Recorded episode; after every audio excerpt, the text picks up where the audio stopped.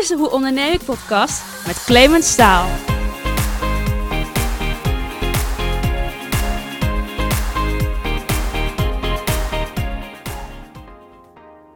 Welkom bij deze aflevering van de Hoe Onderneem ik podcast. Is het eigenlijk mogelijk om je brein anders te gaan programmeren? Nou, dat is waar NLP om draait. Neurolinguistisch programmeren, oftewel, zoals mijn gast van vandaag zegt, de kunst van je goed voelen. Inmiddels is Joost van der Leij al ruim 20 jaar bezig met NLP, sinds hij in 2000 in de Verenigde Staten zag wat dit kan doen met mensen. Hij is een van de weinige licensed NLP mastertrainers ter wereld en is daarnaast ook de enige trainer die op een universiteit les geeft. Nou, een nieuwtje dat ik alvast ga verklappen. Waar NLP tot op heden niet wetenschappelijk is aangetoond, lijkt het erop dat daar zeer binnenkort verandering in gaat komen. Nou, Joost heeft inmiddels tientallen boeken op zijn naam staan over onder andere het ABC-NLP en het neurogram. En verder deelt hij zijn kennis in de Invloed Vergroten podcast en op nlpflix.nl. Nou, je hoort het, Joost is degene waar je heen moet voor NLP en daarnaast is hij ook nog eens een geweldige verhalenverteller. Wat heb jij aan NLP? Nou, luister mee naar het gesprek dat ik had met Joost van der Leyen.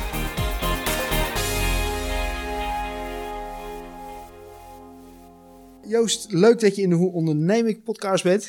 Welkom. Leuk om er te zijn. Fijn dat ik eh, bij jou te gast mag zijn.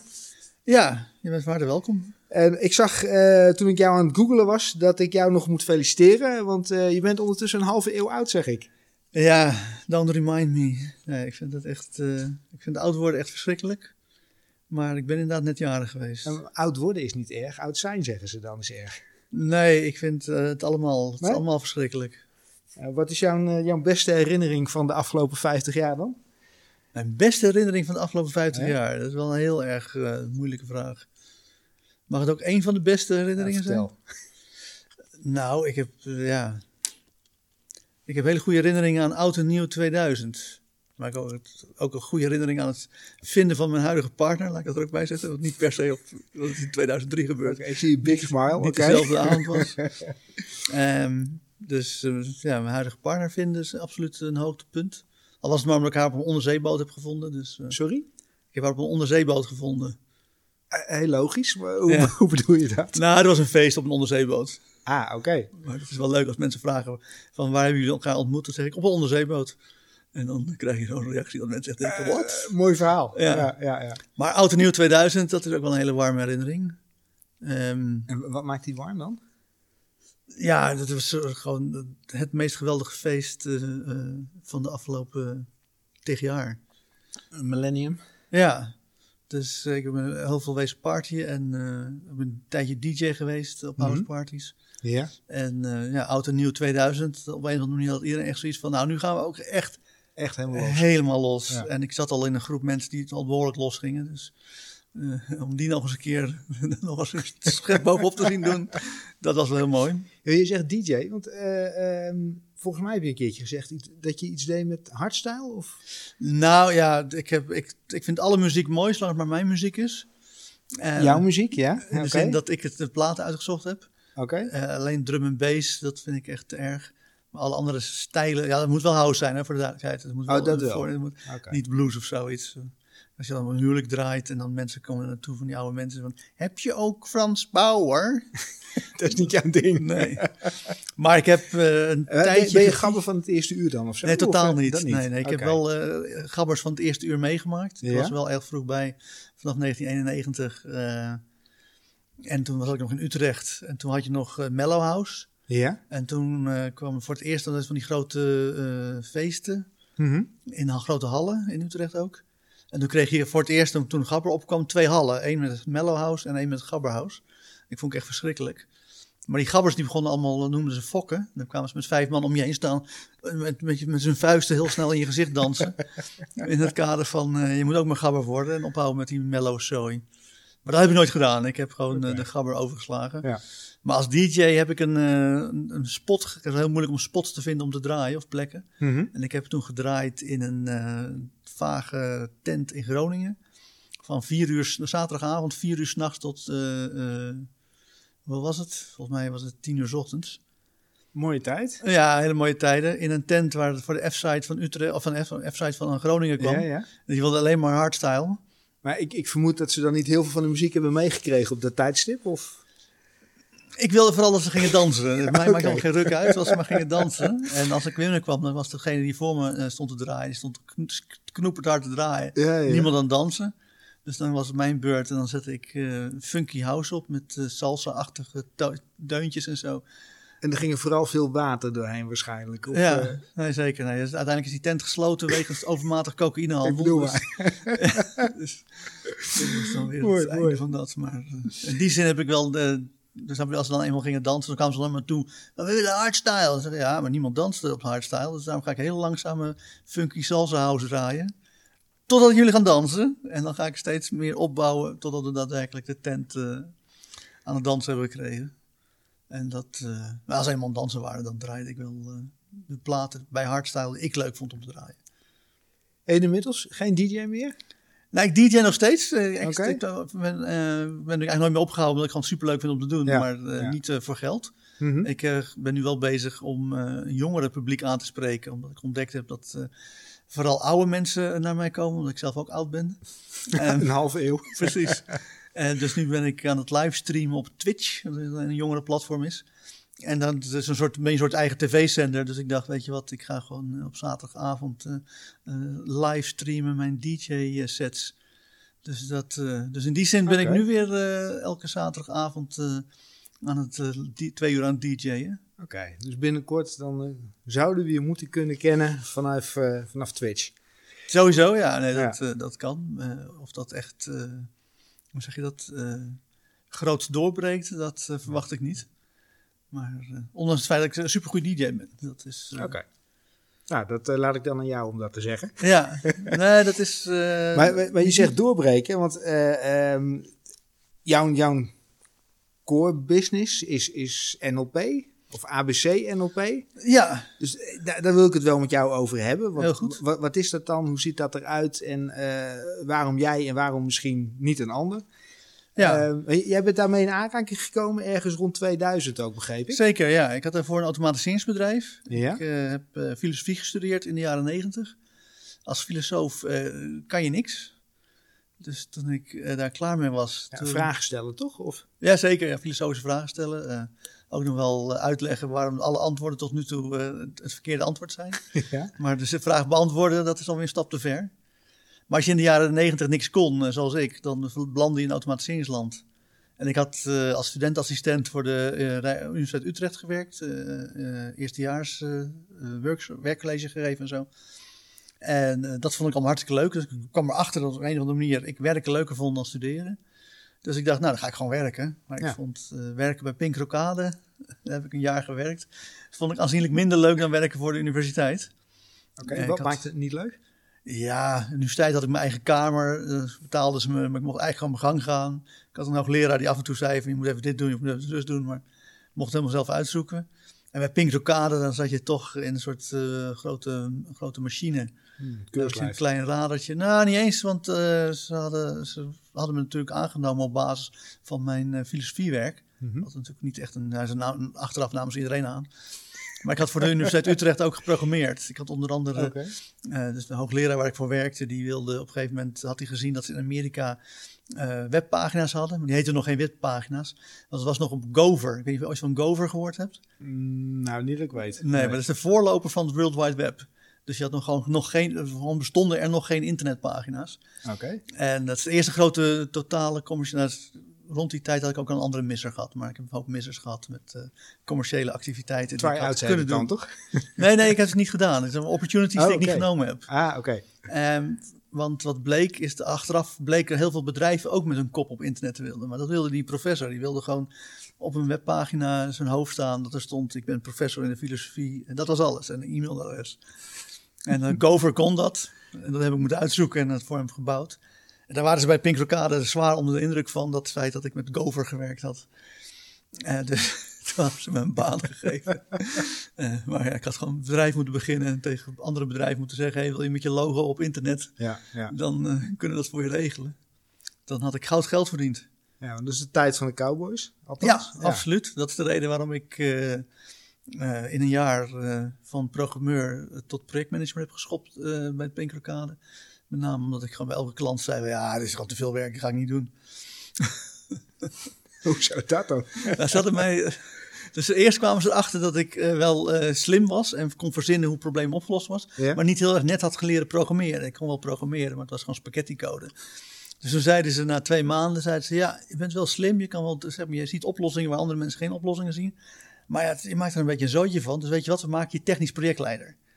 Dan kan je andere mensen uitleggen hoe de oplossing is en dan gaan zij het voor je programmeren. Ik zei, nou prima. En een maand later kwamen ze weer langs zeiden ze, nou, technisch projectleider is nog een beetje te technisch voor je. Dus weet je wat, we maken je projectmanager, want je hebt wel een lekkere babbel. En toen zeiden ze, van, we hebben bovendien een klus voor je bij eh, een klant. Van, eh, en wij, ik zat bij Trendsoft, was een kleine eh, dochteronderneming. De kleinste van Pink Rokade. En ik moest doen naar, werd ik gedetacheerd bij hun grootste Pink Elephant. De, zeg maar degene waar het Pink vandaan, naam vandaan kwam.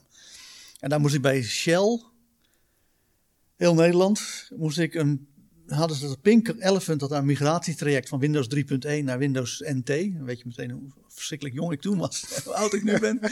en, en wat, maar wat bleek is, al die Shell-mensen, dat zijn soort kinderen met speelgoed in hun handen. Die hadden allemaal in Excel en in Lotus en in Word, allemaal met macro's. Hadden ze allemaal voor zichzelf programma's geprogrammeerd.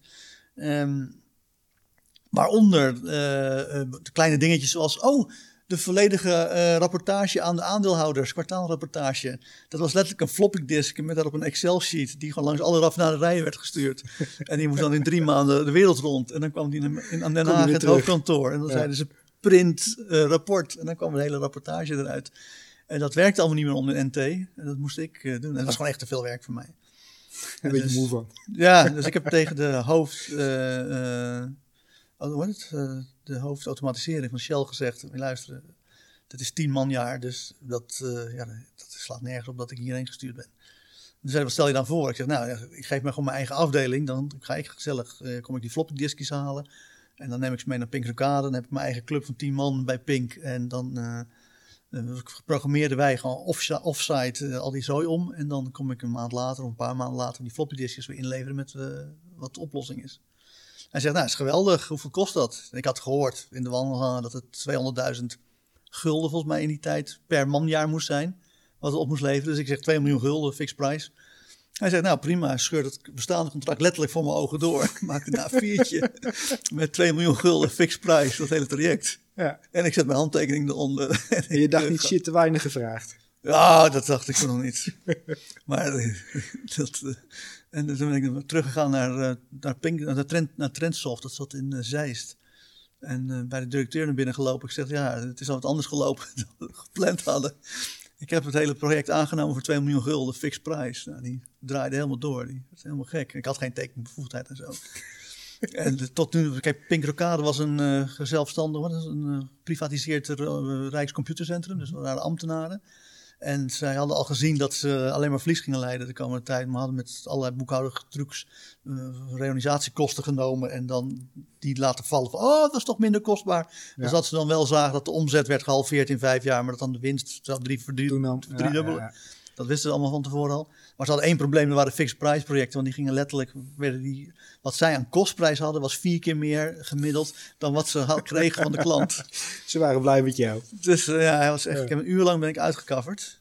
En toen zei ik na een uur, zei ik, nou ja, moet ik hem dan teruggeven? Toen zei hij, ja, dat kan niet, want het is en Shell en het is 2 miljoen gulden.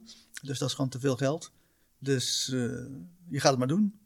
En toen zei hij, dat zal ik nooit vergeten, ja, een goede herinneringen had ik daar. Toen zei hij ook tegen mij, zei hij, maar één ding Joost, één ding. Jouw ballen liggen op het blok. Hè? Als het fout gaat, jouw ballen liggen op het blok. Maar ik had in die drie maanden al zoveel projecten gaan fout zien gaan. Dus er is nooit iemand op afgerekend. Dus ik dacht, ja, het zal wel. Dat zo wel. Ja, Ja. ja. Ja, Dus eh, ja, op die manier eh, ben ik erachter gekomen dat ik eh, werken leuker vond dan eh, ja. ding. En eh, een jaar later eh, ben ik, eh, heb ik een trucje dat ik door van, nou ja, ik weet gewoon hoe ik eh, werk kan binnenhalen binnen automatiseringsland. In de jaren negentig met de Cowboys. Mhm. Dus ik ga gewoon mijn eigen tent beginnen. Maar dat was toen nog in de ICT dan. Ja, Hoe, hoe eh, ben je dan uiteindelijk nu, eh, want als je het over NLP hebt in, in Nederland, en we gaan het zo inhoudelijk wel even hebben over wat NLP dan is en zo, Ja. maar als je het over NLP hebt, dan kom je al heel snel jouw naam tegen. hopelijk wel, ja. Want Hoe, ben je daar dan mee grootste Nederlandse? NLP-trainer ben. Door te automatiseren. Dus in de jaren negentig, ik had dus gezien dat die klanten, die, die hadden allemaal enorme bakken met geld. Kon niet op. Mhm. Die hadden allemaal één eh, angst. En dat was eh, dat ze ge- ge- genaaid werden met uurtje factuurtje. En dus al mijn concurrenten, we waren een klein bureau maar ik concurreerde met eh, redelijk grote par- partijen. Maar die zeiden allemaal van ja, dat weten we niet. En die boden het allemaal super goedkoop aan. Ah, 20 uur werk, 100 gulden per uur. En dan bleek het in plaats van 20 uur, bleek het 18.000 uur te zijn. En dan moest je nog steeds afrekenen. Klinkt een beetje als die aanbestedingsprojecten vandaag de dag. Nou ja, ik, ik zit daar toevallig. eh, mijn grootste klant eh, doet heel veel met aanbestedingen voor de bouwwereld. Ze doen hier de verbreden van de A9. Ja? En eh, aanbesteden hebben ze wel opgeknapt de afgelopen tien jaar. Maar tien jaar geleden was het nog wel zo. Ja. Toen kon meer werk heel makkelijk. Maar Ja. jaren 90 was het ook echt meer werk. Was gewoon de nummer één moneymaker in de automatiseringsland. En dat zal misschien nu nog steeds zijn, dat weet ik, weet ik gewoon niet. Maar dat betekende dat als ik naar een klant ging en gewoon uitlichtte dat wij anders deden, en dat we alles fixed price aannamen, en dat we al altijd duurder waren, maar dat het gewoon echt letterlijk betekende dat ze gewoon geen cent eh, extra betaalden achteraf. Ja, dat verkocht gewoon heel makkelijk in de jaren 90. En wij hadden het zo geconstrueerd dat we al onze kosten die we hadden aan personeel en eh onszelf ons eigen leven, dat was gewoon 50% van het bedrag wat we vroegen. En dat moest meteen op het moment dat het contract getekend werd, moest dat meteen betaald worden. Dus wij waren gewoon echt op dag één waren we uit, uit de Uit de kosten. heerlijk. En dan hadden we het contract staan dat we 25% kregen we opleveren. Maar er stond nooit bij wat we moesten opleveren. Er stond gewoon, als we iets opleveren, meteen 25%. dat was de winst. En als mensen het ooit gingen accepteren, dan moet ik dan nog een keer 25% Ja. eh, voor de acceptatie. Eh, Ja, we hebben, wel, we hebben wel eens gehad dat een klant zo gek was om het te accepteren. Nou, kregen we nog eens een keer, dat was de bonus. ja, als je het over cowboys hebt in de jaren 90, ben ik een van die cowboys geweest. Heerlijk. Ja, maar dat werkte dus tot 2000. Tot Ja. 2000 hebben we in, eh aan mijn hoofd, februari, maart of zo, die periode, hebben we nog een bod gehad op ons bedrijf. Toen wilde Conclusion Groep het kopen. Nou, die zijn ondertussen hartstikke groot geworden. Eh, maar leuk eh, heen en weer weten. Maar je zegt ons bedrijf, want hoe, hoe groot... Het was jouw bedrijf? Ja, ik was samen met een compagnon. eh, Oké. Hoe- En hoe we groot hadden was bedrijf we hadden tien programmeurs. eh, Oké. Dus dan, eh, eh, ik was verantwoordelijk voor het binnenhalen van projecten en eh, projectmanagement. En eh, Arjen, mijn compagnon, die was dan verantwoordelijk samen met tien programmeurs om het eh, te, eh, te realiseren. En eh, de Conclusion Groep wilde dat kopen, maar die wilde vooral mij hebben. En volgens mij wouden ze gewoon van, dit, dit, dit geven we je als je bij ons komt werken. Want ik moest dan, Bright Alley hadden ze net overgenomen van de NOS. En ze wilden mij meteen daar als directeur neerzetten. Om dat te realiseren.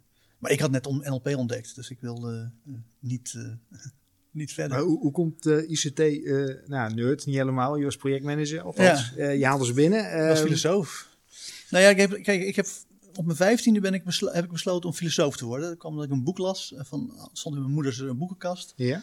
En van Albert Camus, eh, de mythe van Sisyphus. Dat ging over een man die moet die, die stenen omhoog rollen. En elke Mhm. keer als die een vlak eh, voor de top is, dan wordt die pootje gehaakt door de goden. Zodat die steen over hem heen dondert. En nee, dan moet hij opnieuw beginnen. En eh, Camus ziet dat als beeld voor de mens. Dat elke keer doe je wat en dan mislukt dat. En dan ga je iets nieuws doen en dan mislukt ook. En zo gaat het verder.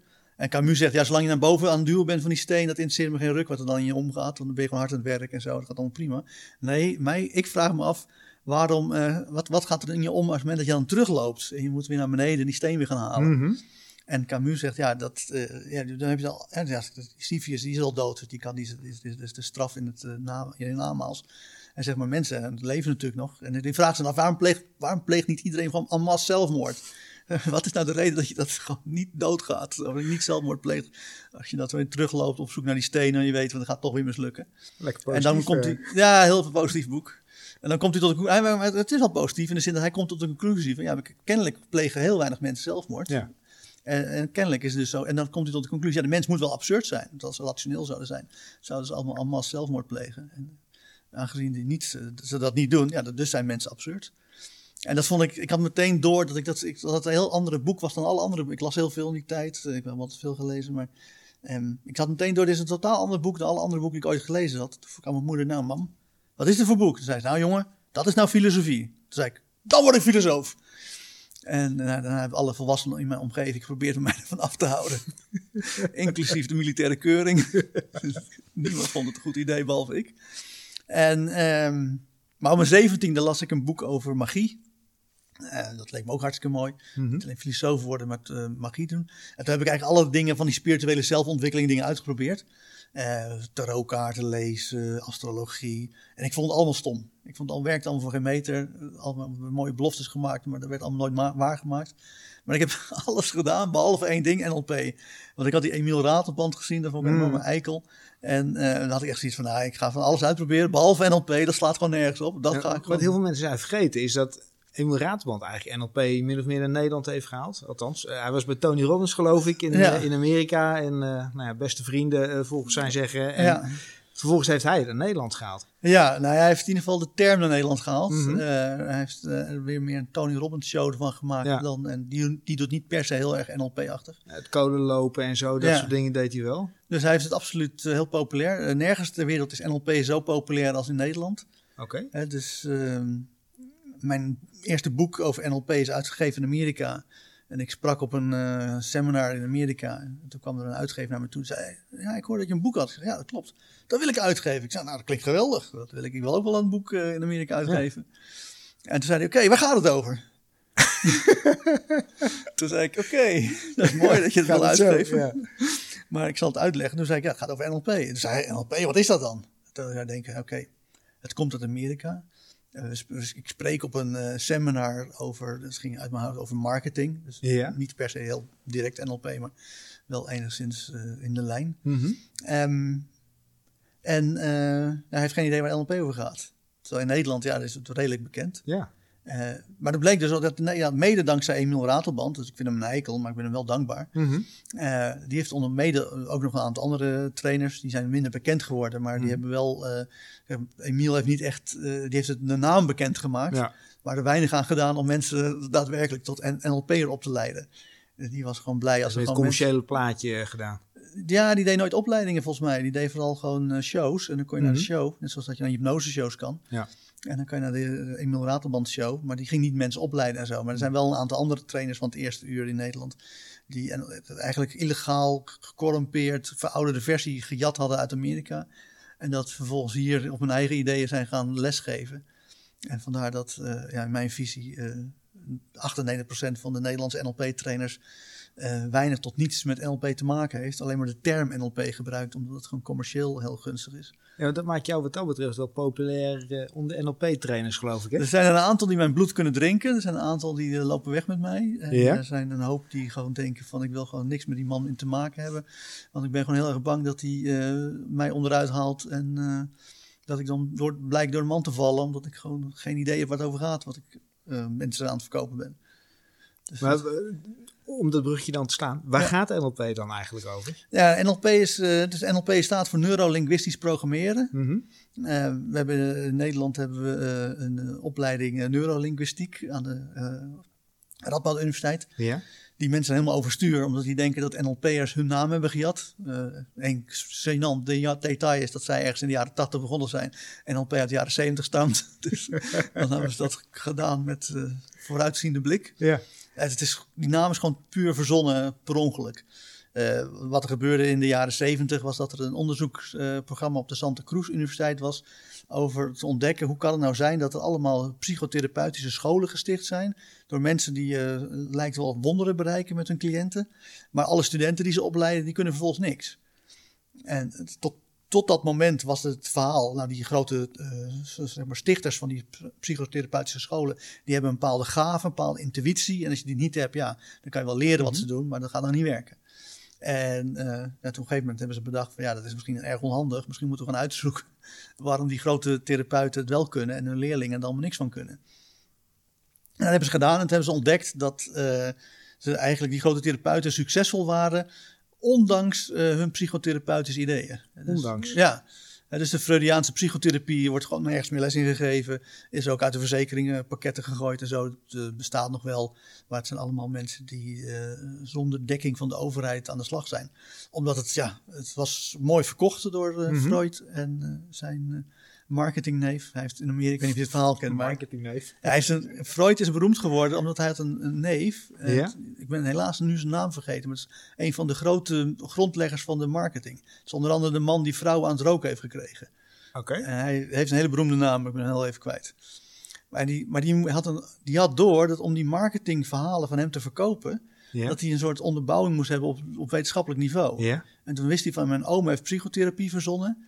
En nu ga ik, en die, heeft dus verhalen over hoe het onbewustzijn in elkaar zit. En nu ga ik zeggen, eh, ik ga nu zeg maar aan die bedrijven verkopen dat ik dat van mijn oom allemaal geleerd heb. Dat was helemaal niet zo.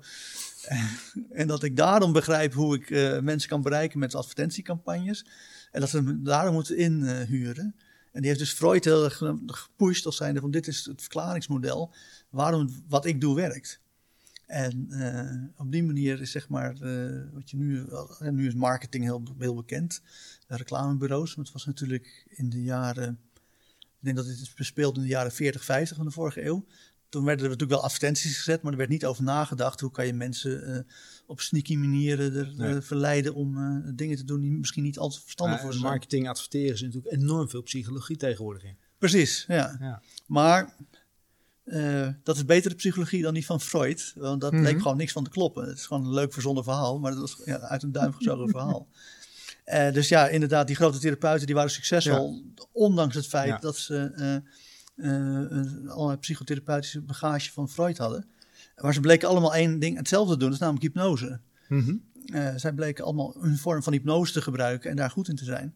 Want wat bleek is dat wanneer je mensen hypnotiseert, dat je dan wel vrij makkelijk kan tegen ze zeggen: eh, Oké, hou op met die ellende en ga leuke dingen doen. Maar is dat hypnotiseren dan bewust of is dat gewoon de manier van doen wat je Sommigen deden het bewust. Dus je hebt Milton Erickson, eh, die heeft de hypnotherapie opgericht. Ja. Nou, die doet het natuurlijk bewust. Eh, de anderen deden het allemaal onbewust. Dat is echt gewoon een mooie manier van communiceren. Dus onbewust bekwaam.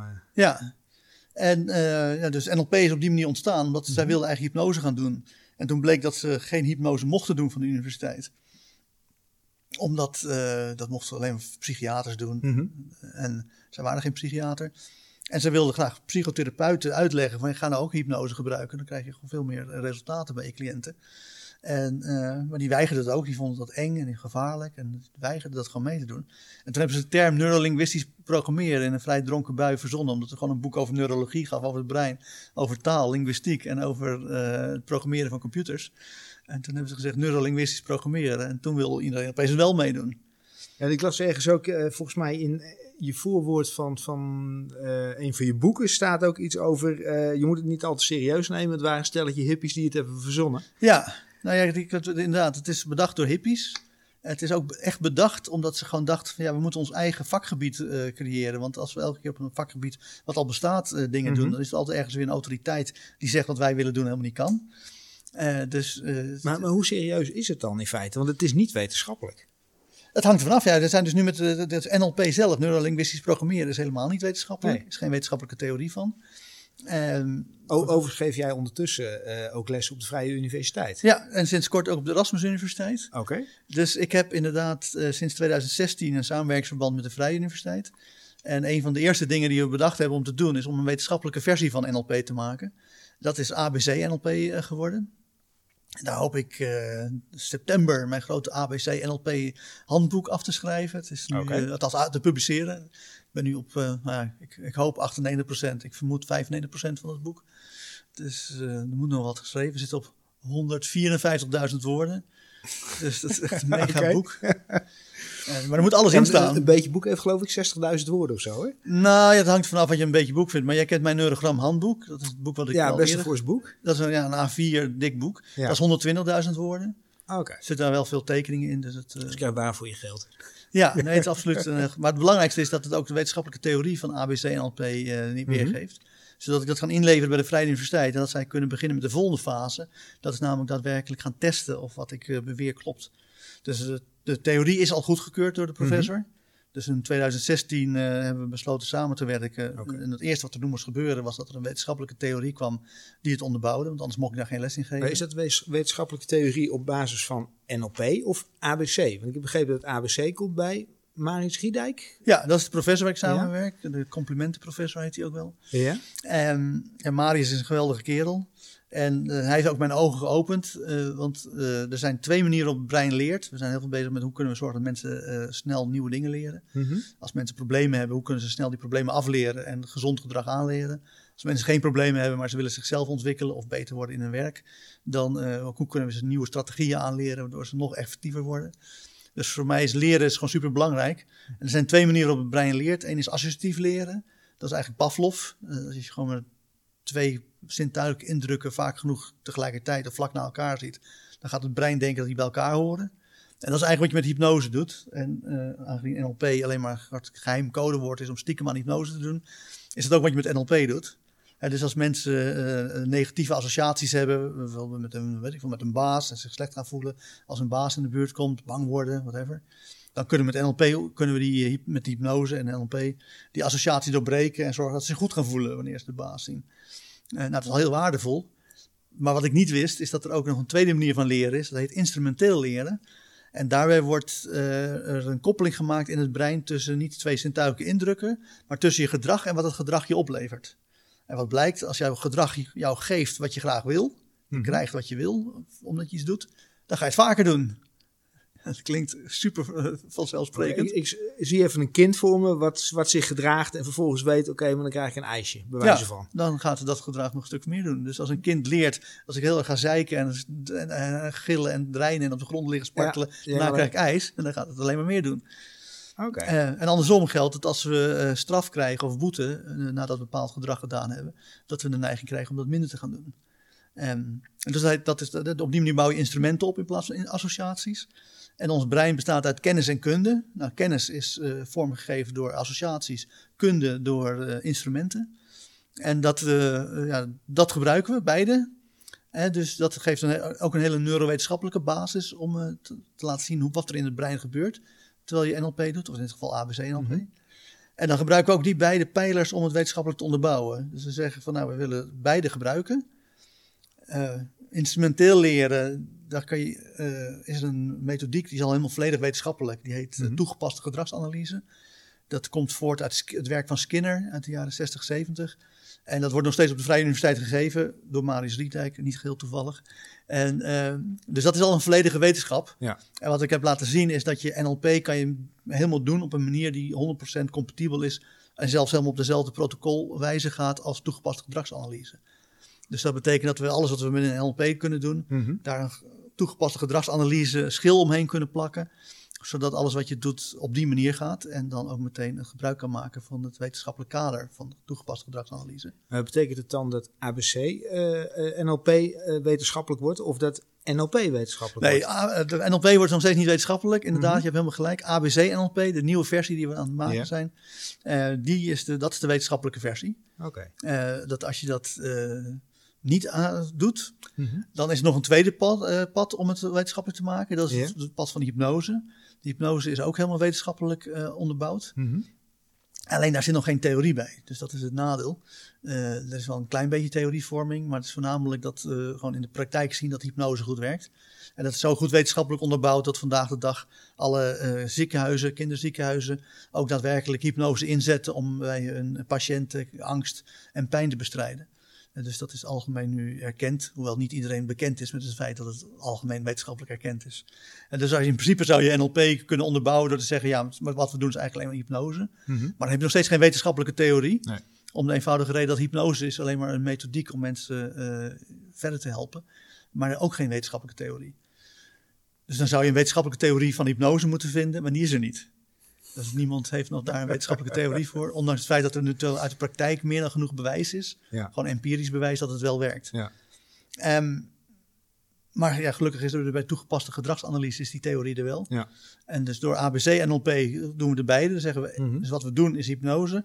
Uh, en het framework wat we gebruiken om Mhm. te begrijpen wat er gebeurt, is uh, toegepaste gedragsanalyse. En op die manier kunnen we probleemloos uh, ABC en NLP doen op universiteiten. En is dus vanaf september als het gepubliceerd is. Dus Mhm. mm -hmm. de hele theorie is al door Marius Riedijk bekeken. Ja. is allemaal goedgekeurd. Uh, het enige wat nog moet gebeuren is dat ik het op moet schrijven. Zodat het er een document is. Uh, en dat uh, hoop ik dat ik september klaar is. Ja, dan, wat ik me dan afvraag, want jij hebt uh, dat NLP geleerd van Richard Bandler. Ja. Eh, of eh, Bandler en Grinder waren degene die dat eh, hebben samengesteld, het NLP zeg maar. bedacht. Richard Bandler heeft het gemaakt, Ja. maar ze hebben later een conflict gekregen en toen hebben ze in, de, in de minnen gezetteld. Oké. Op de gang bij de rechter hebben ze een handjeklap gedaan. En toen heeft John Grinder eh, geëist dat hij ook erkend werd als co-founder. Als eh, tweede viool. Ja, en daarom noemen ze, hem nu, daarom noemen ze zichzelf nu steeds co-founders. Maar als je kijkt naar de geschiedenis van NLP, eh, was er zonder Richard Bandler geen NLP geweest. Mhm. En zonder John Grinder was er wel NLP geweest. Maar dan had het veel langer geduurd wat het populair geworden was, of groot bekend geworden was. Richard Bandler, toen hij het bedacht heeft, was nog steeds student. En hij heeft een andere professor dan John Grinder heeft hij overtuigd van hey, wat ik kan is echt super bijzonder en speciaal. Daarom mocht hij nog, voordat hij zelf überhaupt zijn doctoraal examen had gehaald, mocht hij al les gaan geven, in, dit geval Frits Puls gestalttherapie. En John Grinder is daar als associative professor aan toegevoegd om eh, toezicht te houden. Vervolgens is eh, Richard Bentler als gewoon zijn eh afstudeerscriptie is het allemaal gaan formuleren. Alleen lui als hij is, heeft hij elke keer tegen John Grinder gezegd: Hoe zou jij dit formuleren als je dit in een afstudeerscriptie moet schrijven? En John praat graag, dus die eh, heeft het allemaal verteld. En Richard heeft het allemaal overgetikt wat John zei. En, eh, maar dat is uiteindelijk niet goedgekeurd eh, door de universiteit. En die zei: Ja, we zien dat het is gewoon om te veel John Grinder, ja. te weinig. Maar dan heb je het over. Het, het feitelijke werk heeft hij dus wel gedaan, Bandler. welk, en wat welk feitelijk werk bedoel je Het, het onderzoekwerk en dergelijke, dat Ja. heeft hij wel echt Nee, gedaan. dat is alle, alle dingen die. Dus als je kijkt naar wat we vandaag de dag nog doen met, het, met NLP, Mhm. als we vanuitgaan dat je het op een goede, eh, up-to-date manier doet, dan is dat eigenlijk allemaal het werk van Richard Bandler. Oké. En alle dingen die John Grinder toegevoegd heeft, taalanalyse, hij was eh, eh, professor in de taal en linguïstiek. Eh, ja, dat is allemaal verdwenen omdat het allemaal onnodig ingewikkeld was en uiteindelijk achteraf over- overbodig bleek te zijn. Wat ik me dan afvraag, want straks zeg je van joh, dan is het eigenlijk wetenschappelijk, eh, eh, of heeft wetenschappelijke basis. eh, Ja, geval het is een wetenschappelijke theorie. NLP, En ja. dan moet het alleen nog bewezen worden dat het ook werkt.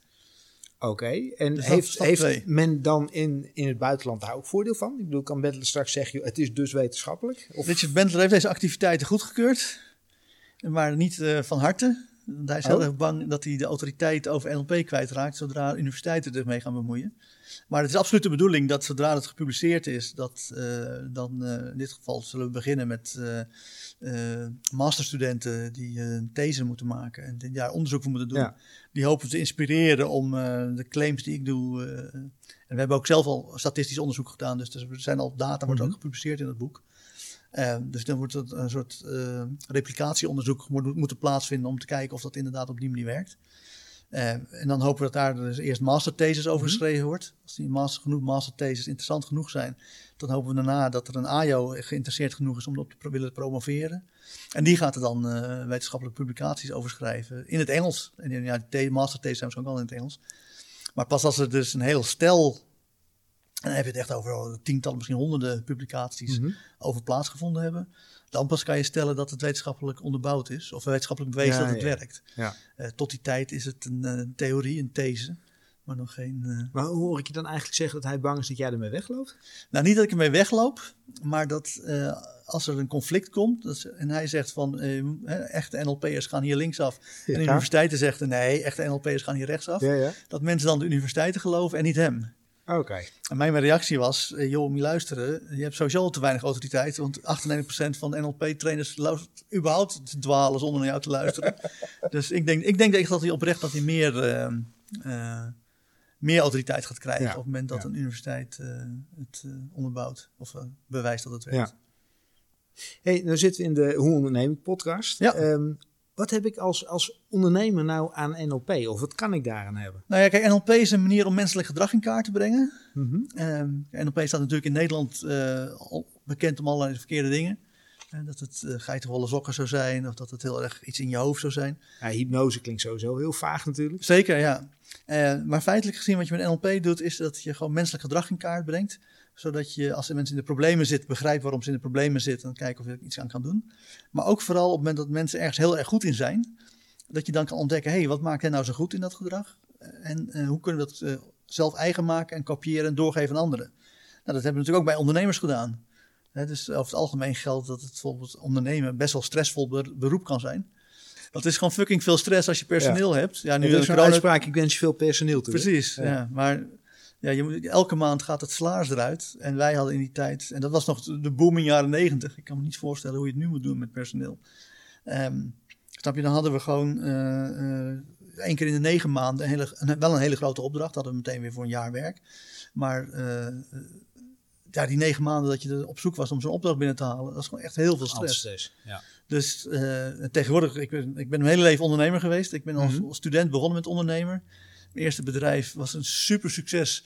Totdat de politie zei dat dat helemaal niet mocht.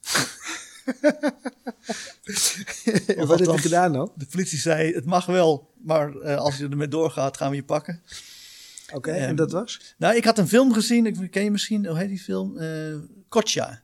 Een oude jaren negentig film. Ja. En daar was een film, was- hadden ze op een studentencampus. Dan kon je met elkaar schieten eh, met pistooltjes. Ja, ja. Dan had je een soort spel en dan kon je... En ik zat heel erg in die spelletjeswereld. Ja. Dus ik heb een spel gemaakt, ehm, ik weet niet hoe het heette. Het heette Killer.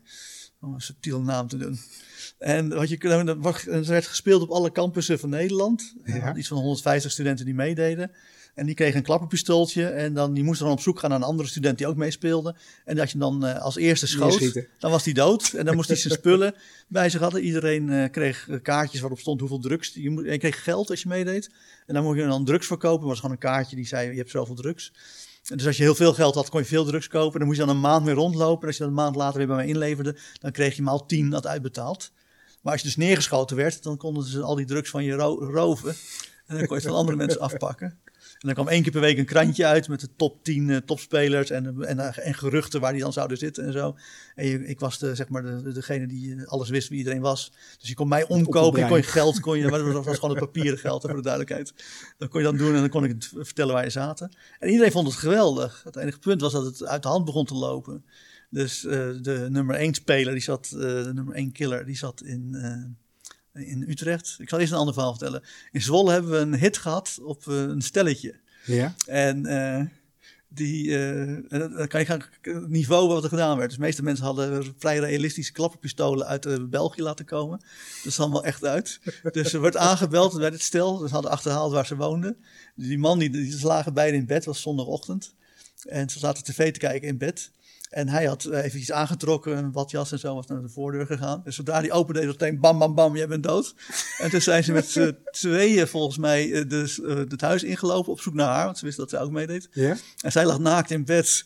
En er kwamen dus twee gewapende mannen met van die, eh, van die, Van die bivakmutsen. van die bivakmutsen op. En zij helemaal met, met, met, met, met die pistolen. Zij trok echt nog ook het kleed zo van, nee, ah. En bam, bam, bam, je bent ook dood. Op dat moment kwam er een auto voorrijden. Zijn ze gewoon meteen echt in de auto, vluchtauto gestopt en weggereden. Dus dat, slechte film. ja, nou ja, dat, dat- zij deed het allemaal echt. En nogmaals, ik organiseerde niks. Hè. Nee, ik zag nee. alleen maar de gegevens door. En ik Ja. vond dan later wat er gebeurd was. Zodat we dan in het krantje konden schrijven. Bloederige aanslag in Zwolle. Die was in Zwolle gebeurd. en, dus maar op een gegeven Ja. moment, eh, dus de nummer 1 woonde in Utrecht. Ik had ook in Utrecht, ik studeerde daar natuurlijk nog. En die zat bovenin een soort, in een soort eh, studentenkamer, maar hoog. En op een gegeven moment ging ze daar nog een hele dag voor posten. Want als je de nummer 1 doodschoot, kreeg je heel veel punten. En dan kwam je ook om die dag. Dus ja, hij vond het schitterend. Hij kon het huis niet uit, altijd kijken van het raampjes en zo. Maar wat bleek is dat de buren worden heel onaangenaam als er iemand in de auto zit en de hele dag een krant zit te lezen.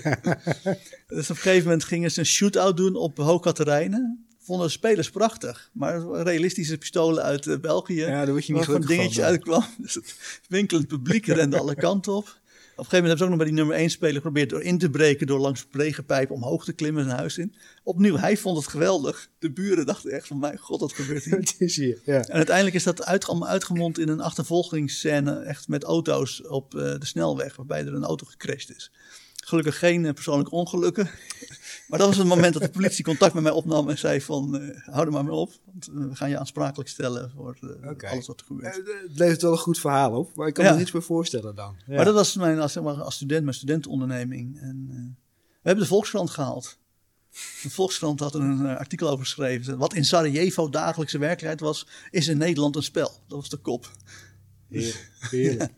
En dus in die tijd dat je die burgeroorlog in Sarajevo waar een hoop mensen neergeschoten werden. En maar ondertussen, want jij bent trainer, dus je bent sowieso zelfstandig ondernemer volgens Ja, mij. nee, dus ik ben daar, daarna heb ik dus één jaar geen ondernemer geweest. Ja. Het ene jaar van Pinkelkade. En daarna, ik ben gewoon heet het, psychologisch ongeschikt om een, eh, arbeids, eh, als arbeider te werken. Maar en je bent auteur. Want ik zag, eh, ik, ik googelde je en toen kwam ik bij bol.com. eh, waarbij je natuurlijk ook gewoon bij die plaatselijke boekhandel het waarschijnlijk kan halen. Maar Ja. meer, meer dan 36 titels geloof ik. Ja, dat is goed mogelijk, maar, dat, eh, dat zijn, maar het zijn twintig boeken. Er zijn ook nog cd's en dvd's bij die ik ooit gepubliceerd heb. Maar ik ben nu met dus het ABC NLP handboek, dat wordt het Mhm. 21ste boek. Goed bezig. Ja, Goed nee, dat, bezig. is, dat, ook daar geldt weer dat ik als student heb ik al een keer geprobeerd om een boek te schrijven. Het mislukte, maar een fictieboek, het mislukte voorkomen. Ik ben ook bang dat het, hoewel ik nog een paar floppy disks heb waarbij mijn werk uit de jaren negentig op staat, maar ik ben bang dat die vergaan zijn. En ik heb ook geen floppy disk drive meer, maar daar zou het misschien nog op kunnen staan, wie weet. Maar, de, eh, maar dat is mislukt. Maar ja, als filosoof leer je wel schrijven. En eh, toen ik eh, in 2000 dus erachter kwam dat de formule niet meer werkte van mijn automatiseringsbureau. Dus tot die tijd hadden we altijd uh, offertetrajecten waar ik de duurste was, maar fixed price. En dan kregen we die gewoon, omdat gewoon klanten gewoon niet uh, de ellende wilden hebben Mhm. van uh, uurtje factuurtje en dan meer werk. Eh, maar vanaf 2000, de dotcom-crisis, eh, toen heb ik ook nog gezegd van, nou ja, die twee ton die jullie voor het bedrijf bonden, dat was dan twee ton euro. Misschien toch interessant, dan maar een paar jaar eh, bij Bright Alley aan de slag. En toen zei ze, nou nee, nu hoeven we niet meer, want het is nu een crisis, nu kunnen we niet meer. Geen zin meer. Nee. Nee. Dus uh, en, toen, en toen kwam ik erachter dat uh, toen mensen eindelijk weer op geld gingen letten, dat die formule niet meer werkte. Dus toen uh, was ik ondertussen al wel enthousiast geworden over NLP. En toen heb ik gecheckt van oké, okay, is er een NLP-trainer die gewoon heel goed in verkopen is? Nou, dat bleek Richard Bentler te zijn, die hippie die het allemaal verzonnen heeft. Mhm. Kijk, leeft die man nog? Ja, leeft nog. Geeft hij dan ook verkooptrainingen? Dat deed hij ook. Dus toen ben ik op Bonnefoy naar Amerika gegaan en toen uh, daar uh, super enthousiast over geworden. En toen ter plekke binnen vijf minuten bedacht: oké, okay, ik ga op met computers programmeren, ik ga mensen programmeren. Dat leek me gewoon veel beter. En dat vind ik nog steeds geweldig. Dus dat, uh, ook vandaag weer heb ik uh, twee mensen gecoacht. Mhm. Eentje was de eerste sessie, dus nou dan moeten we afwachten of dat uh, goed uitpakt. Ja. En de tweede was de laatste sessie. Nou, dat was een uh, jonge vrouw.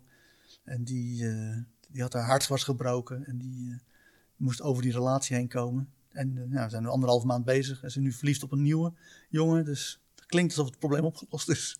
En je, je zegt de, de, de eerste sessie was met iemand de eerste keer ja, wachten wat het gaat doen. Ja. Um, dat is van tevoren niet helemaal duidelijk? Nou, kijk, de meeste werk bij al mijn één op één coaching werk op basis van no cure, no pay. Dat is eigenlijk hetzelfde als uit mijn automatiseringstijd. Dat heb ik gewoon ingehouden. Oké. Okay. Uh, ook, kijk, dat is, ook, dat is ook van de lessen. Dus de oorspronkelijke vraag was: wat heb je als ondernemer eraan? Dus nou, je kan natuurlijk gewoon goed leren omgaan met stress. Uh, zodat je gewoon ontspannen, relaxed mm-hmm. ondernemer bent, zoals ik. Um, maar je kan ook allerlei strategieën, dus allerlei sales, marketing, branding strategieën, hebben NLP'ers gewoon uitgezocht uh, wat de meest, uh, de beste manier is om dingen voor elkaar te krijgen. Mm-hmm. Um, maar, uh, even denken hoor, ik was bezig met die, de, de, de vraag, eerste, ja, de, ja, vraag. Over, wat hebben ondernemers of gedaan? Ja, of wel of niet goed gaat. Nee, ja. of, of, of, die coaching, hè, ja, waar je dat van tevoren niet weet. Dus omdat ik, omdat ik weet dat op basis van cure no pay werken Mhm. gewoon veel beter werkt. Dat is gewoon de nummer één manier om uh, sales te doen, is om een, de klant een product of een dienst te presenteren.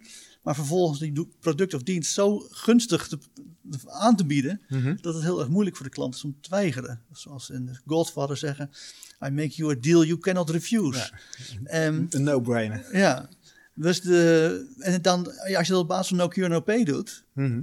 dat is eh, gewoon een hele goede manier. Ja. Dus ik weet dat 9 van de 10 klanten van mij die ik één op één coach, op het eind van de training of het eind van de coaching zo blij zijn Mhm. dat ze met plezier eh, mijn eh, gepeperde rekeningen betalen. Ehm, maar één op de tien niet. En dan zou ik Ja. me ook, maar, maar dan zie ik zelf ook wel dat het niet goed gaat. En Ja. dat zou ik mijn ogen aan mijn kop schamen als ik niet een rekening zou sturen.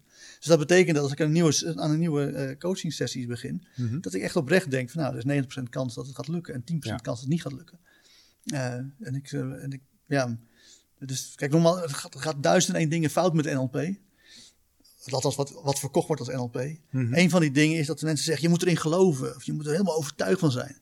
Nou, dat is gewoon een hele slechte strategie. Want als je ergens helemaal gelooft of helemaal overtuigd van bent, dan heb je geen oog meer voor eh, signalen dat het, dat het anders is dan jij denkt of gelooft.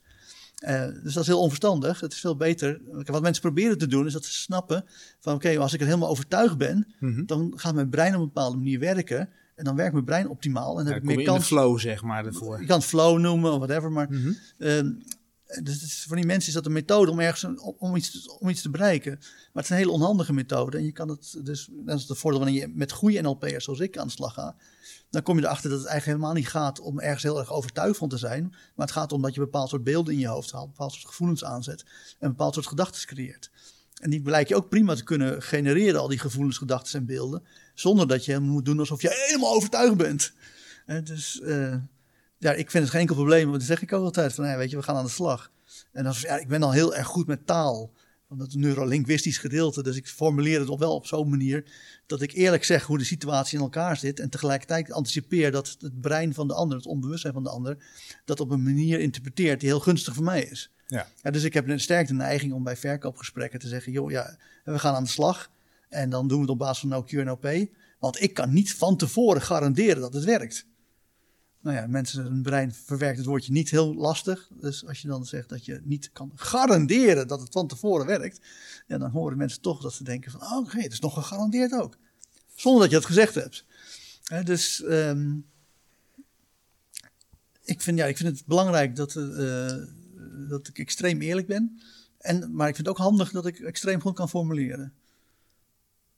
Ja, wat dat betreft, ik heb een aantal eh, eh, dagen meegemaakt met jou. En het, is entertaining. Gelukkig, ja, dat is wel de bedoeling. Dus wat dat betreft in ieder geval super. Ehm, super leerzaam. Eh, en wat dat ja. betreft, de, de verhalen die erin zitten, die maken het ook, ook aangenaam. Maar ondertussen krijg je natuurlijk enorm veel kennis binnen. Kennis en kunde hopelijk. Ja. Hopelijk dan leer je je eigen breinprocessen beter begrijpen, maar ook beter beheersen. Heb je een aantal dingen waarvan je zegt, veel, een soort quick fix voor een ondernemer die luistert en die denkt, hé, hey, maar eh, heb je een handigheidje die ik morgen gelijk kan toepassen? Bijvoorbeeld met mijn medewerker, je had het net even over ABCD, of ABC natuurlijk. Ja, ja, Ehm, dat ja waar, waar te beginnen. Dat geldt ook voor stress. Dus als je stresst, dan heb je een naar gevoel. Eh, mensen denken dat dat nare gevoel erbij hoort, maar er is geen sprake van. Je kan je ook goed voelen.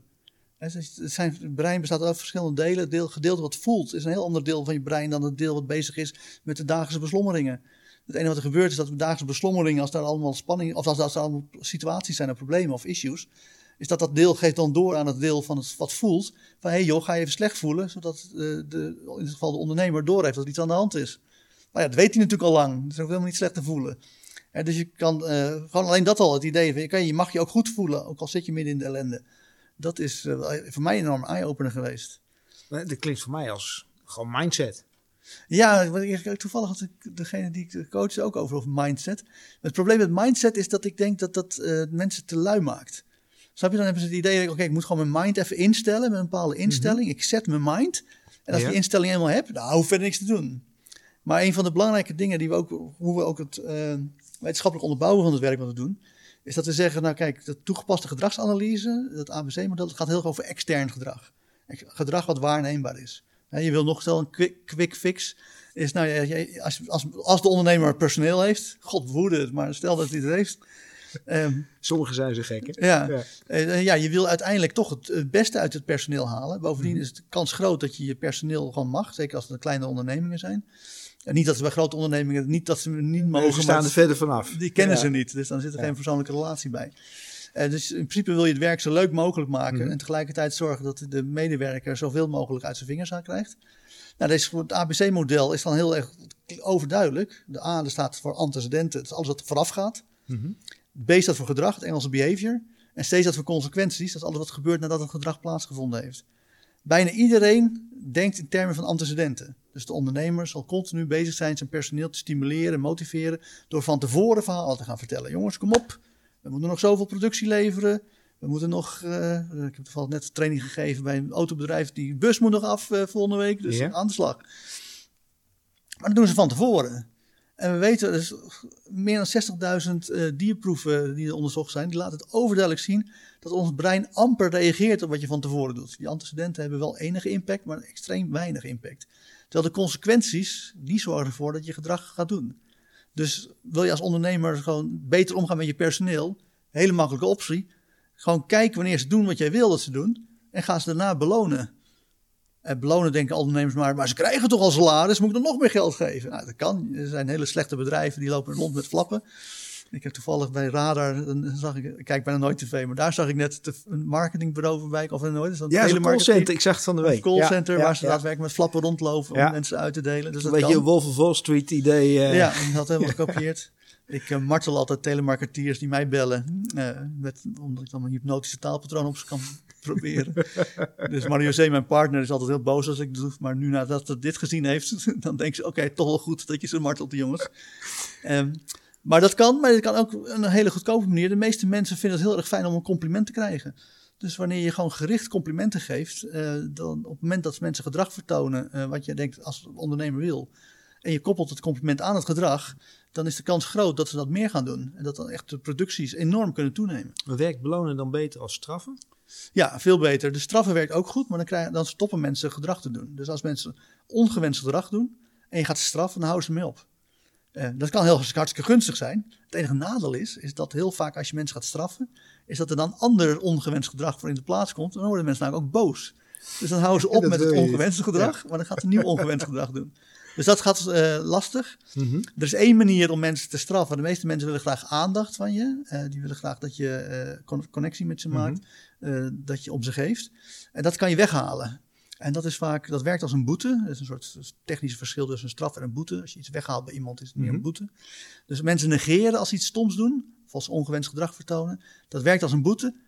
Ervan uitgaande dat zij wel om die aandacht, eh, die wel, wel graag die Verlegen aandacht willen. zeg Ja. maar. Ja. En er is namelijk, nou, daar hebben we het nog niet over gehad, maar alle mensen hebben, al, hebben een eigen brein. Elk, net zoals een lichaam een lichaamstype kan hebben, hebben breinen ook breintypes. En er is toevallig één breintype wat graag genegeerd wordt. Dus voor hem werkt het als beloning. Dus dat moet je wel even weten.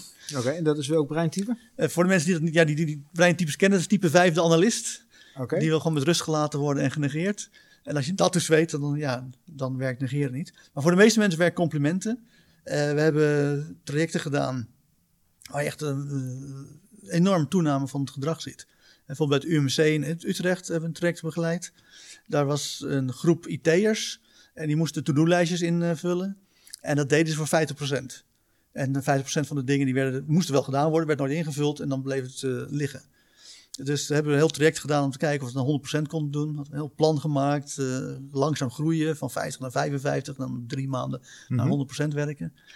En daarna met, het, eh, met, met die mensen dat werk overlegd. Nou, die vonden het allemaal onzin. En die zeiden, ja, het is gewoon ons werk. Hoezo? We hebben geen extra beloning.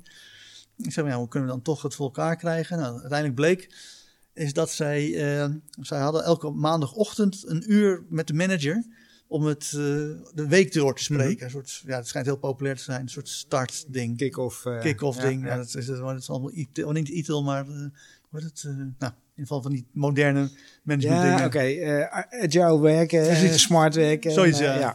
En dan vonden ze helemaal niks. Ja? Dat dachten ze, dat doen we alleen maar voor de manager. Dus ze hebben dat uur hebben ze gekaapt. En toen zeiden ze, nou, als we nou gewoon dat, die to-do-lijstjes in dat uur mogen invullen. Wij vinden het namelijk heel bezwaarlijk eh, om die to-do-lijst in te vullen. Voor onszelf vinden we geen probleem. Mhm. Maar soms moet ik iets invullen voor een collega. En dat kan iets kleins zijn. eh, Maar eh, zij, hadden, zij werkte, ze deden bijzonder werk. Want zij werkte voor de afdeling genetica van het UMC Utrecht. En die hadden als enige hadden ze Linux-machines. Omdat die moesten allerlei simulaties over hoe genetisch materiaal op elkaar reageert. Moesten ze draaien. En die hebben dus, ik weet niet, volgens mij zo'n 12 of 15 IT'ers die dat ondersteunen. En, maar ze kunnen letterlijk de opdracht krijgen joh, mijn muis is kapot, ik moet een nieuwe, muis. Tot aan, eh, programmeer voor mij een nieuwe simulatie om deze genetische dingen te, te- goed te kunnen uitzoeken. Aardig breed. Ja, Eh, maar, dus, ja maar, maar dat betekent dat ze dus een eigen taak hadden. En soms moesten ze dan op die to-do-lijst een taak aan een ander geven. Dat vonden ze heel bezwaarlijk. Dus voor hun was dat een straf Mhm. om dat op een bordje van een ander te dumpen. Dus dat is ook de reden, precies de reden waarom ze dus heel weinig van dat gedrag deden. Omdat ze gewoon eh, dat ervaarden als, als naar strafgedrag. Of als als straf op het Mhm. gedrag zouden volgen. Ja, dan houden mensen mee op. Dat is de reden waarom het maar 50% was. Ja. En dat verloren uur, dat vonden ze ook een soort straf. Dus door het weghalen van die straf. En daar konden ze dan met elkaar overleggen en zeggen: joh, dit moet nog gedaan worden. Wie wil dat doen? Konden ze die hele lijst invullen op een manier die zij prettig vonden. Kregen ze wat ze wel wat ze wilden. Namelijk Mhm. gewoon collegialiteit en eh, eh, geen last van de manager. En eh, toen zijn ze van eh 50% binnen één week naar 100% gegaan. Ja, dus dat was gewoon echt gewoon van oké, nu het gewoon ge- georganiseerd is op een manier die het ABC-model liet zien dat het voor hen het meest gunstig was. Toen ging ze het ook gewoon meteen doen. En ik, zat, ik deed het voor de universiteit uh, tegelijkertijd uh, meten hoe het ging. Dus ik kwam bij, uh, bij de professor. Ik zeg, joh, we hadden drie maanden traject. Maar ja, het is in één week is het klaar. Wat nu? Ze zei, nou, blijf dan maar meten of het daadwerkelijk op 100% blijft. Nou, dat hebben we die, al die maanden gemeten. En dat is altijd op 100% gebleven.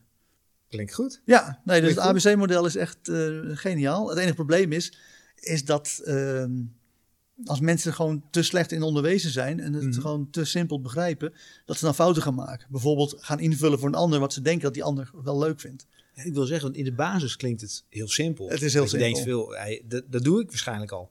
Dat ook zeker. Dus eh, succesvolle ondernemers zullen dat ongetwijfeld doen. Mhm. Eh, alleen doen ze dat vaak onbewust. En, en dus dan kan het geoptimaliseerd worden wanneer je het bewust erover nadenkt. Bovendien hebben ze ongetwijfeld blinde vlekken waarbij ze het, uh, hetzelfde trucje wat misschien goed werkt binnen sales niet toepassen op hun eigen uh, personeel. Of bij een personeel het wel doen, maar dan weer niet bij sales. Uh, dus dat werkt echt om, goed om dat om in de vingers te krijgen. Mm um, maar er zitten wel echt een aantal valkuilen. Bijvoorbeeld dat doorhebben van die, van die breintypes. dat is een slimme ding. Um, ook eh, de manier waarop je beloont, uh, bijvoorbeeld om die complimenten te geven. Niks is zo irritant. En onderzoek laat ook zien dat dat heel slecht uitpakt. Als je zo'n popiopie manager hebt die de hele dag rondloopt door de zaak. Hé, hey, Clemens, toffe gozer, je doet het goed, jongen, je doet het goed. Terwijl jij denkt, jongen, je loopt net binnen, je hebt geen idee wat ik aan het doen ben. En als ik nu bezig was uh, alle, alle, waardevolle spullen in het bureau aan het verkopen en het, mijn zak aan het vullen, dan had je ook geroepen dat ik goed was. Ja. En dus dus met, zo, met zoiets simpels als complimenten geven. Waar mhm. iedereen denkt, oh natuurlijk, ja, ik geef te weinig complimenten. Heel veel managers realiseren zich, ondernemers ook, mhm. die realiseren zich dat ze gewoon te weinig complimenten geven. Uh, het, dan denk je, oh, ik moet meer complimenten geven. Maar als je dat gewoon op een onhandige manier doet, dus. uh, het moet oprecht, oprecht overkomen.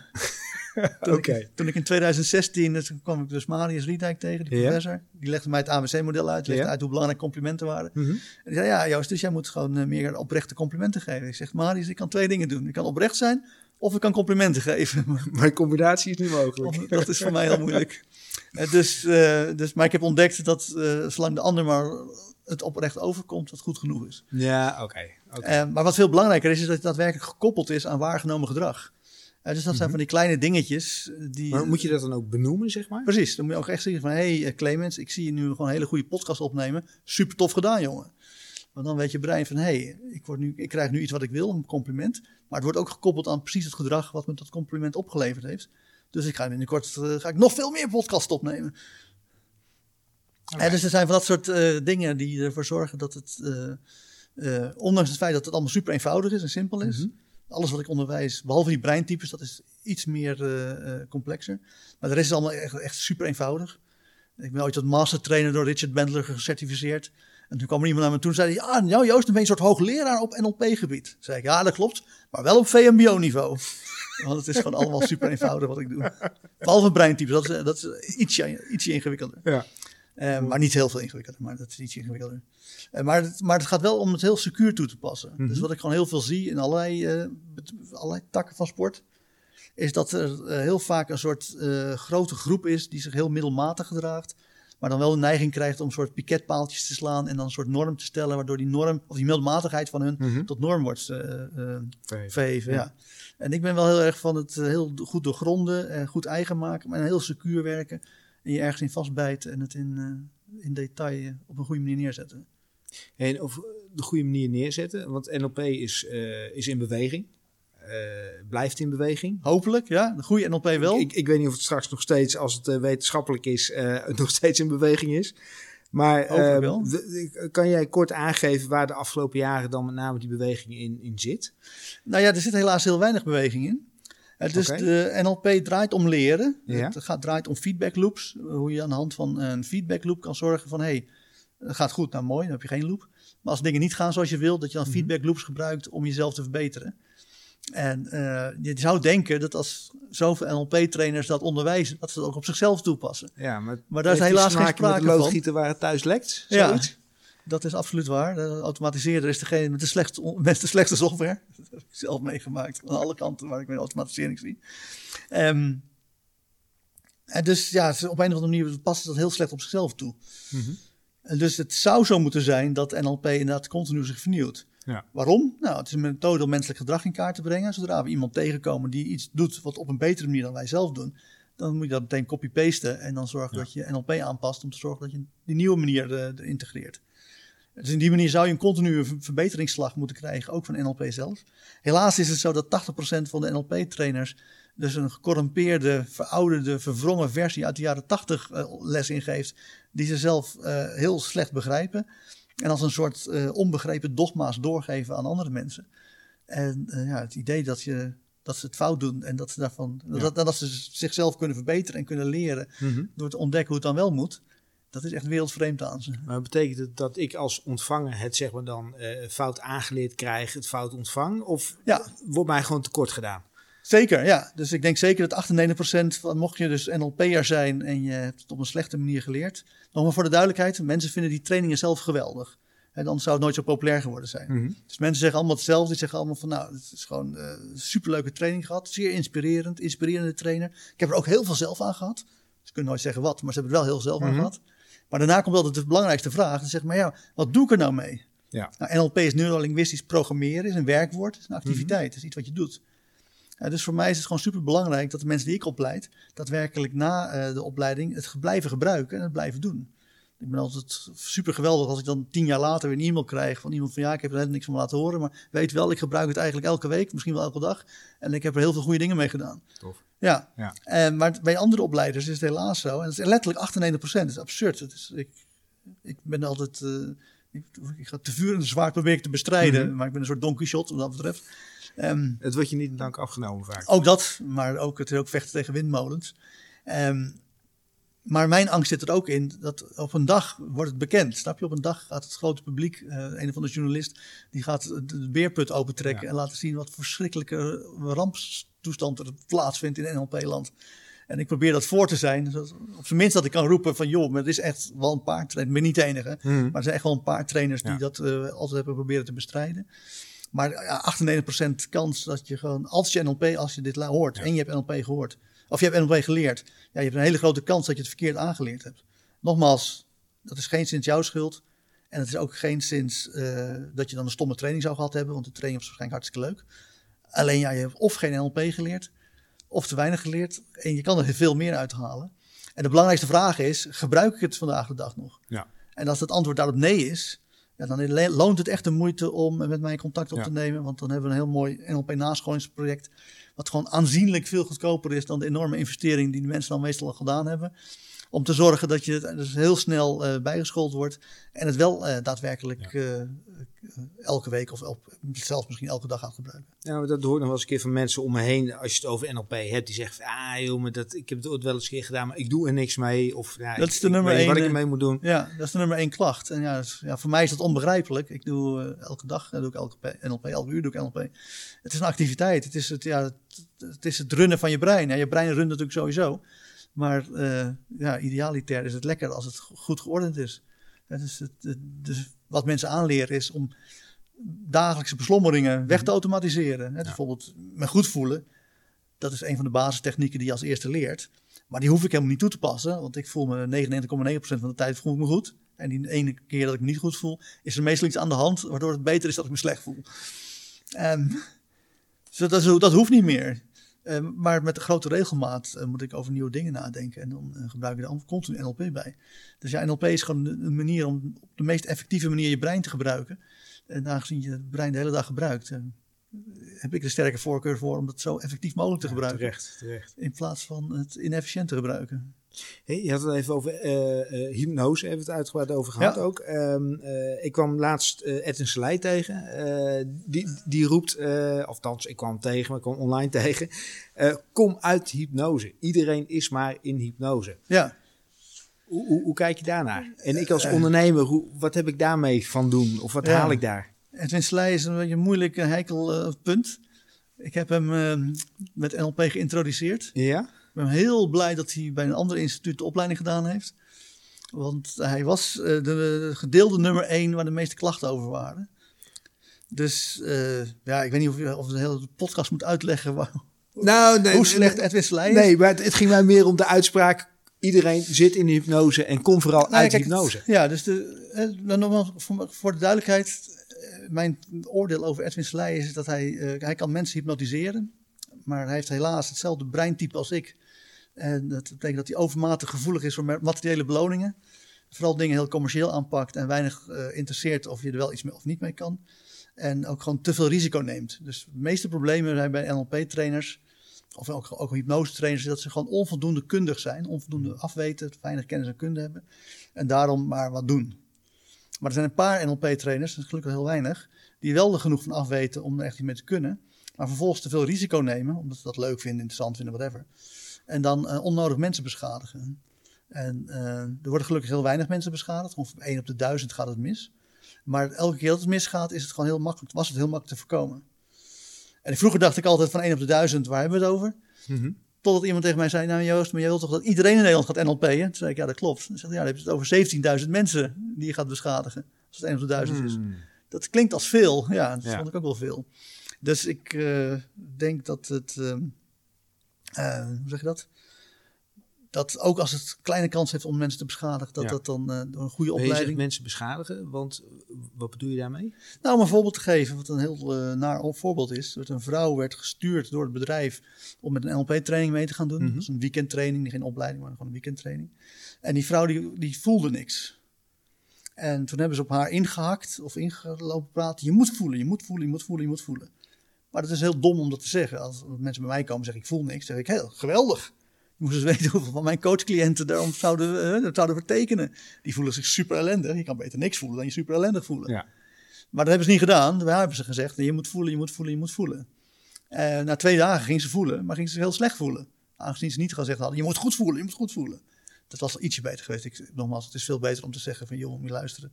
Um, uh, goed voelen of niks voelen is, is beter dan je slecht voelen. Ja. Dus blijf vooral ja. uh, je niks voelen. Mm -hmm. En dan is het slim om te zeggen, tenzij we je op een relaxte manier le leren om je goed te voelen, dan is misschien een optie om je goed te voelen. Maar dat is een veel betere manier wat ze bij haar deden. En in haar geval was het slechte gevoel zo erg dat zij uh, iets kreeg, dat depersonalisatieproblematiek. Dat is een ernstige psychiatrische aandoening. Sommige, ik kan altijd zeggen, ja, dat was misschien ook gewoon haar aanleg, of dat het had ze mm -hmm. misschien last van. Maar ik vind altijd dat het de schuld is van in dit geval de, van de zender, in dit geval de Mhm. NLP-trainers. Zij moeten gewoon kundig genoeg zijn om dat soort tekenen te kunnen herkennen. Ja. En als dat gebeurt, ik heb ook drie cliënten, cliënten gehad met deze personalisatieproblematiek, waarbij de eentje het acuut kreeg eh, waar ik bij was. Waar ik wel blij om was, dan kan ik het mooi meemaken. Maar ik weet de goede strategie. De go- goede strategie is vechten tegen, vechten, vechten, vechten. Voor de mensen die het niet kennen, depersonalisatieproblematiek is dan... Je hebt een deel van je brein wat eh, jou een persoon geeft, wat jou het gevoel geeft dat je een ik hebt, dat je een persoon bent. Eh, uiteindelijk is dat ook gewoon breinactiviteit die daarvoor zorgt. En bij depersonalisatieproblematiek wordt dat verstoord. Waardoor het gevoel dat je een ik bent, dat je een persoon bent, verdwijnt. En dan zeggen mensen ook, ja, ik heb het gevoel dat ik wegga en dat er alleen nog maar een object over is. Nou, dat is zeer ernstig, zeer beangstigend. Mensen ook in paniek aanvallen. Eh, Dus ik kon, me- maar gelukkig had ik met cliënten gewerkt die dat hadden. Dus ik kon me heel goed voor. Ik heb die vrouw begeleid achteraf. Eh, vandaar dat ik het verhaal ken. Mhm. Ehm, dus ik heb eh, goed door wat, wat ze toen meegemaakt heeft. En opnieuw geldt, omdat ze gewoon heel slecht opgeleid waren, die mensen, die trainers. eh, geen kennis en geen kunde hadden. Zeiden ze, en dan wat ze dan doen, en dat is heel gevaarlijk, zeggen: Oké, vertrouw het proces. Ga er maar doorheen. En maar dat ze dus die depersonalisatie gingen stimuleren. Nou, dat is heel erg rampzalig afgelopen. Hebben ook haar nog één op één coaching daarna gegeven in de hoop het op te lossen. Maar dan gingen ze weer echt van hetzelfde laken en pak. Waardoor het probleem alleen maar erger maakte.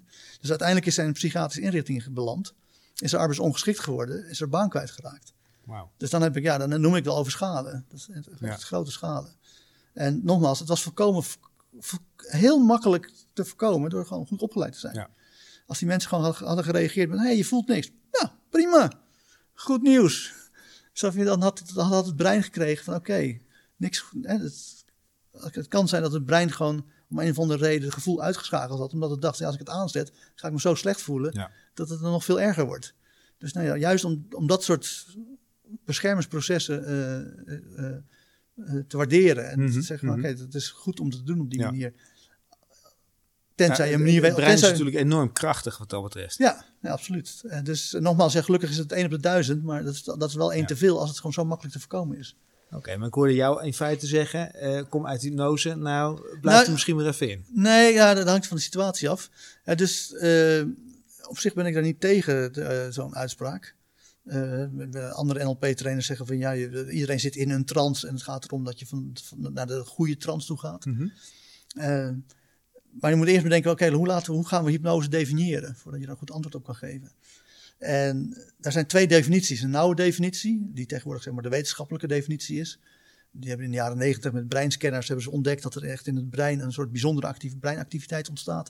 Op het moment dat er mensen in een hypnotische trance zijn. Dus we hebben ook gezien dat het verschilt ook echt van slaap. Het verschilt van wakker zijn. Het is echt een soort derde toestand. Lijkt wel heel sterk op meditatieve trances. Dus in die zin is zeg maar, de trance-toestand in het brein is gewoon een wetenschappelijk onderbouwde derde vorm waarin het brein eh, kan opereren. Eh, dus je kan zeggen van oké, hypnose is alleen maar als mensen in zo'n toestand zitten. Dan heb je in mijn beleving een te nauwe definitie. Dat is ook een hele brede definitie. Dat is mensen overtuigen mee te doen met jouw toneelstuk. En Oké. dan heb je een hele brede definitie. Ja. En als je dan kijkt naar de samenleving, dan kan je zeggen, nou, aanwezig is onze samenleving één groot Ja. toneelstuk.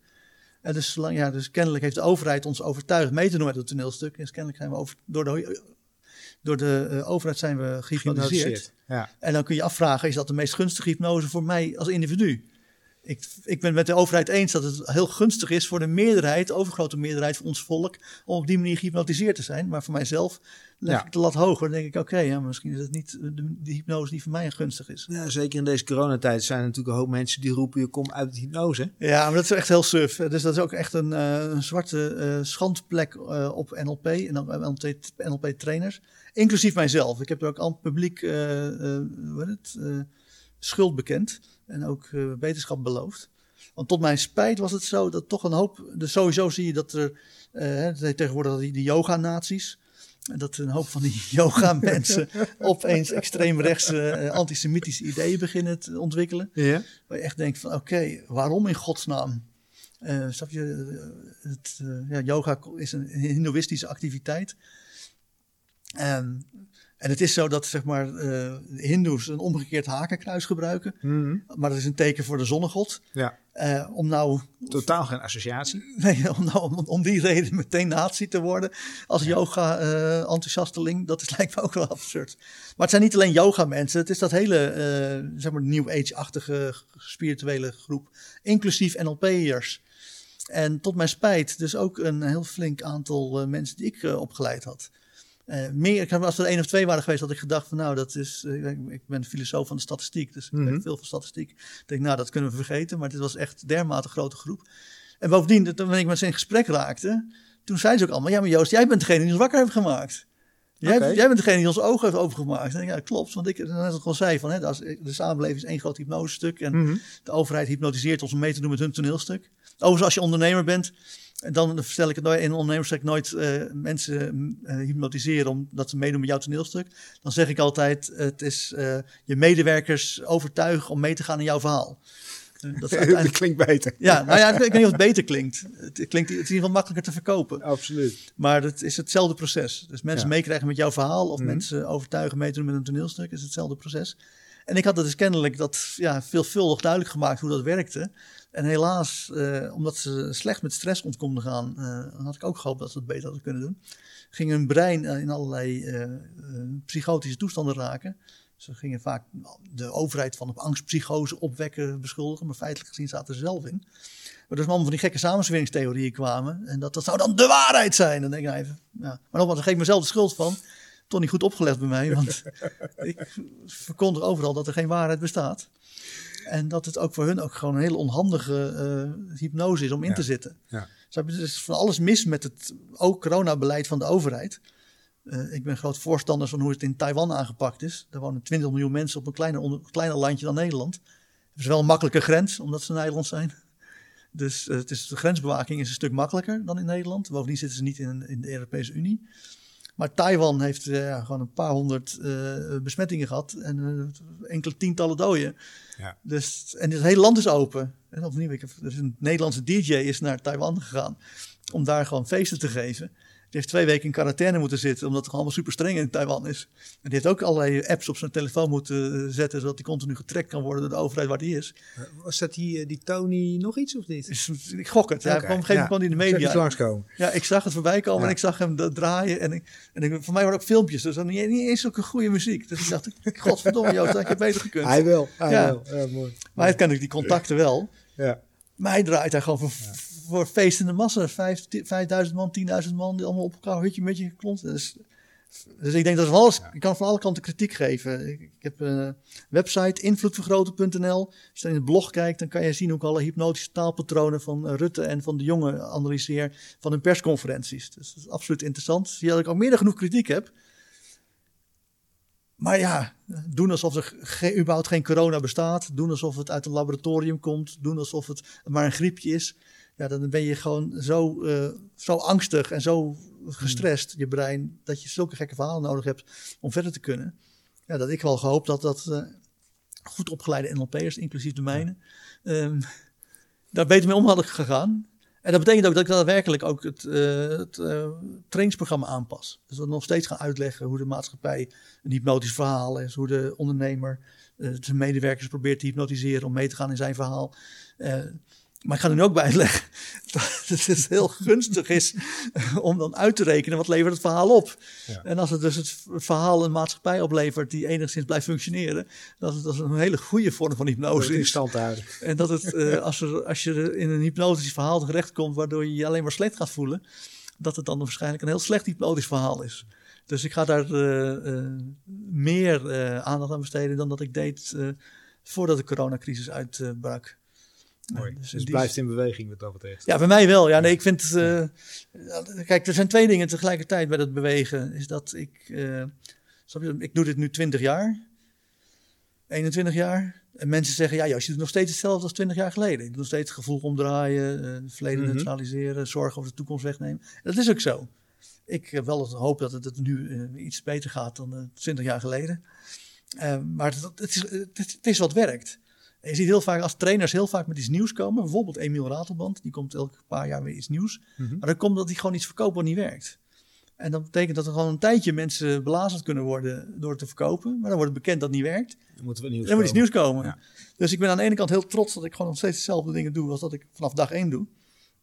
En tegelijkertijd hoop ik dat wel uh, te vernieuwen in, de, in details. Zoals bijvoorbeeld ABC NLP of meer aandacht geven over dat de overheid je weliswaar hypnotiseert, maar dat het uh, soms ook heel handig is dat het volk een bepaalde kant op gaat. Mooi. Mooi. Ja. Hey, ondertussen, je bent bezig met uh, de podcast Invloed Vergroten. Als ja. mensen weer uh, meer van jou willen weten, dan nou ja, Google Joost van der Leij en dan wat vind, dat je genoeg. vind je genoeg. Genoeg ja, websites, genoeg informatie. heb ik nog een vraag niet gesteld waarvan je zegt van hé, hey, dat had ik graag nog wel aan bod willen laten komen? Nee, het, we hebben heel veel, heel veel verschillende dingen gehad. En ja, bovendien, ik ben, uh, uh, mijn eigen levensbeschouwing is Taoïst. Ta Tao wil je alles bereiken zonder iets te doen. Uh, er zit wel een soort klein sterretje bij, kleine lettertjes. Want eigenlijk is het alles onbewust bereiken zonder iets bewust te doen. Mm -hmm. Dat maakt het al wil iets... zeggen, je doet genoeg volgens mij. Ja, precies. Dus dat betekent al dat je, dat je al harder werkt dan dat mensen zouden misschien denken. Ja, met zo'n leuze. Ja. Maar als Taoïst ben ik ook heel erg dat ik uh, denk van ja, iets komt op je pad of het komt er niet op. Als je je ware pad loopt, dan gaat het allemaal makkelijk en vanzelf. Mhm. Mm -hmm. Dus ik heb uh, zelden de neiging om nog nieuwe vragen erbij te gaan verzinnen. Ik denk, nou, als het niet aan bod kwam, dan dat is goed zo. had het Tao duidelijk gemaakt dat het ook nergens voor nodig was. Mooi, mooi. Ik ga je bedanken Joost voor, uh, voor deze podcast, voor dit gesprek. Ja, graag gedaan. En uh, ik wens je onwijs veel succes ook met het uh, wetenschappelijke aspect van, van de NLP. Ja, nou ja, dat hoop ik ook echt dat dat goed uitpakt. Dus nou ja, we hebben de goede hoop bij. Wat, wat we tot nu toe gedaan hebben was goed genoeg voor de Vrije Universiteit, goed genoeg voor de Erasmus Universiteit. En ja, dus, de, nu is de hoop dat we zowel via de universiteiten als via mijn eigen achterban mensen kunnen stimuleren om het uh, daadwerkelijk te gaan onderzoeken. Dus eerst studenten met een masterthese, daarna AIO's. En dan hopen we genoeg gepubliceerd te krijgen dat er daadwerkelijk ergens een professor wakker wordt. En eens eventjes uh, flink gaat kijken of het klopt. Tof. Ik ben ja. heel benieuwd. ben heel benieuwd. Ja, ik ook. En uh, hopelijk komt eruit dat het klopt. Maar als het niet klopt, dan hoor ik het ook graag. Ja, dat gaat goed komen. hey, dankjewel. Nogmaals graag gedaan. Ja, en zo ben je aan het eind van deze podcast met Joost gekomen.